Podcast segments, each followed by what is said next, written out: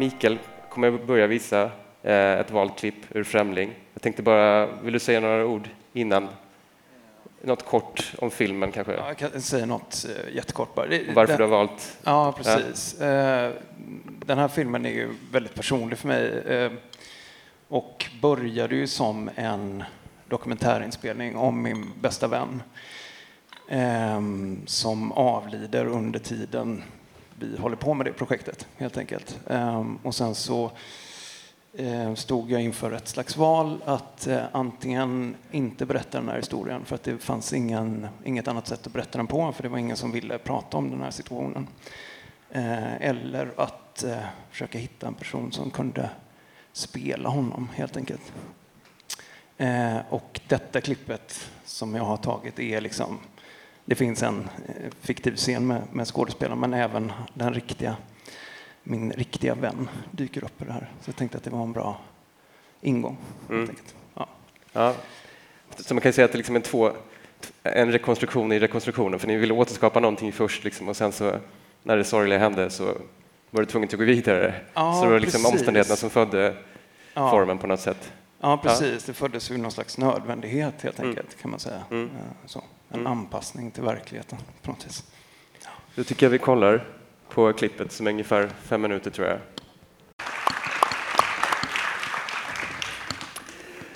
Ja, fint att du har valt de här klippen. Eh, först är det ju då Mattias, eh, din avlidna vän som vi ser, och sen är det då Ulf Stenberg som spelar rollen av Precis. Mattias. Kan du berätta lite hur, hur den här scenen kom till? Liksom, är det liksom en eh, fiktivt skriven scen eller är den baserad på någonting som Mattias har berättat? Och, Det, ja, det, den är ju eller baserad på eh, någonting som Mattias berättade, ja. Eh, absolut. Eh, jag hade liksom en, kanske en lista över säkert hundra olika situationer som han beskrev för mig på olika sätt. Ehm, men, eh, men den här var egentligen bara kanske tre rader lång eller något sånt där.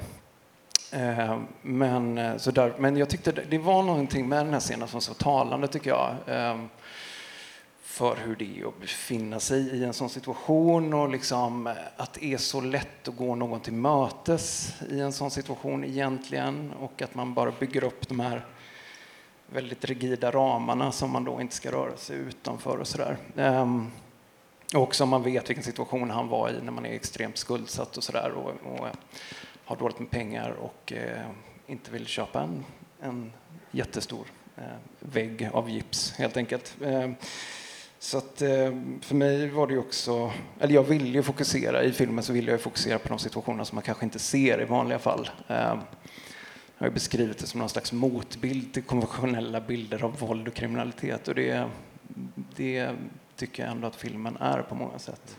Eh, Ehm, ja, men så, så scenen i sig är ju helt skriven då. Ehm, men utifrån hur jag... ehm, jag, jag tror ändå att den är ganska, ja, men den är ganska nära ändå, tror jag, hur eh, Mattias skulle ha agerat i den situationen på Mm. något sätt.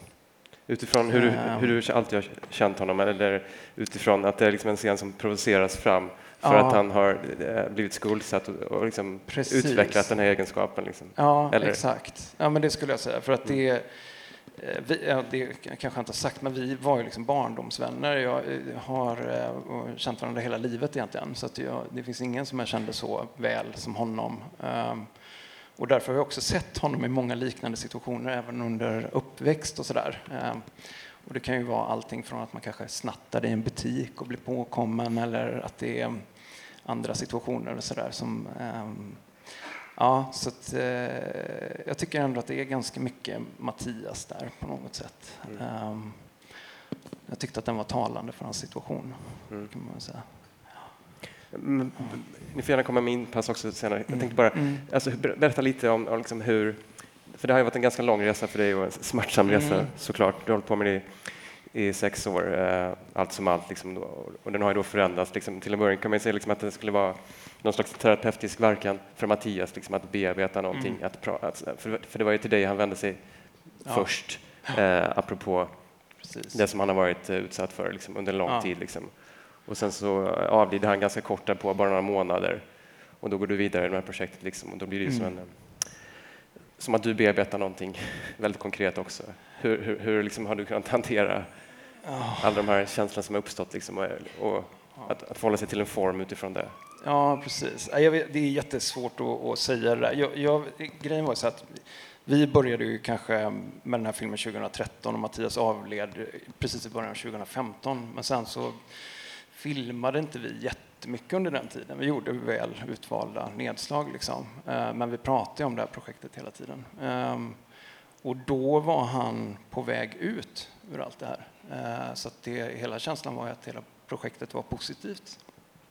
Eh, och att den skulle bli en del av någonting positivt då på något vis. Så det kom ju som en total chock att han gick bort. Men sen så, och det tog jag, jag, inte, jag var i sorg ganska länge, eh, så jag vet inte, men jag, jag hamnade väl till slut i någon slags väldigt tydlig eh, brytpunkt där jag kände, för det fanns så mycket skam och skuld kring den här historien och ingen ville prata om det och det var tystnad och det var bara sådär eh, väldigt jobbigt att befinna sig i det. Och då kände jag att jag inte ville bli en del av det. Och att det också var en ingång till varför jag och Mattias började göra en film kring det här överhuvudtaget. Mm. Att, att jag um, ja, men att försöka visa upp en, en ärlig och närgående bild av att befinna sig i en sån här situation till skillnad från väldigt många bilder som jag tycker att man tar del av när det gäller inte minst eh, true crime-genren kanske eller andra väldigt ganska cyniska bilder som skapas för nöjes skull eller för att tjäna pengar och sådär som eh, kretsar kring våld och sådär och inte minst kriminalitet då. Ehm, så jag kände väl att jag hade någon slags ansvar där. Mm. Alltså mot bakgrund av den här tystnadskulturen så ville ja, du liksom löpa linan ut och göra färdigt filmen? Det var ja, en självklarhet? Liksom. Ja. Att, alltså, antingen så blir det ju liksom, antingen så står jag ju och, och låtsas som att det här inte har hänt och bara blir en del av det. Eller så försöker jag ändå göra någonting av det och försöker visa upp den verklighet som jag i alla fall känner till då, mm. på, på, bästa sätt. Liksom.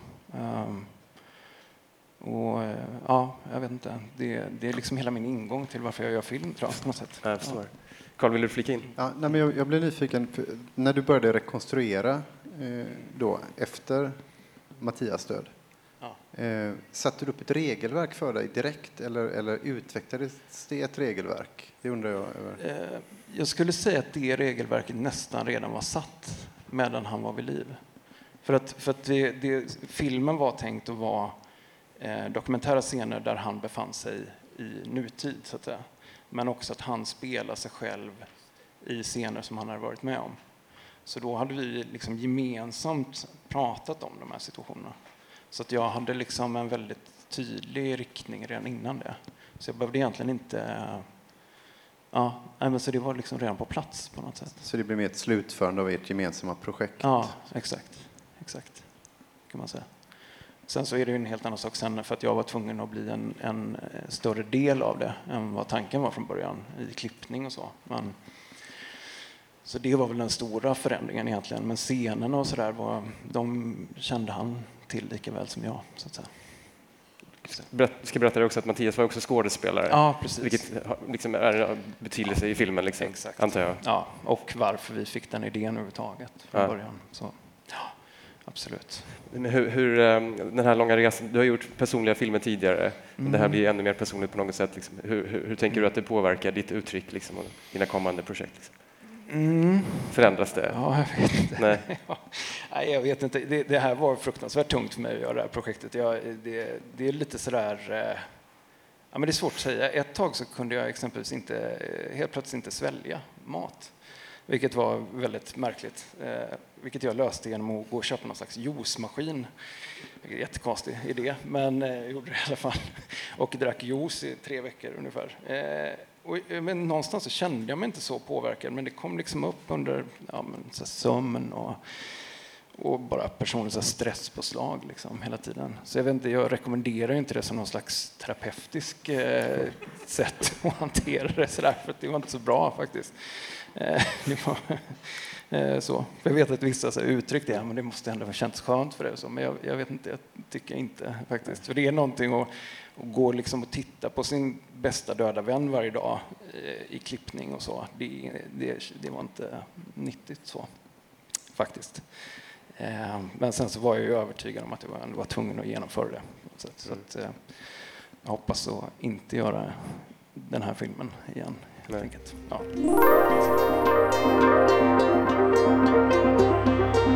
Thank.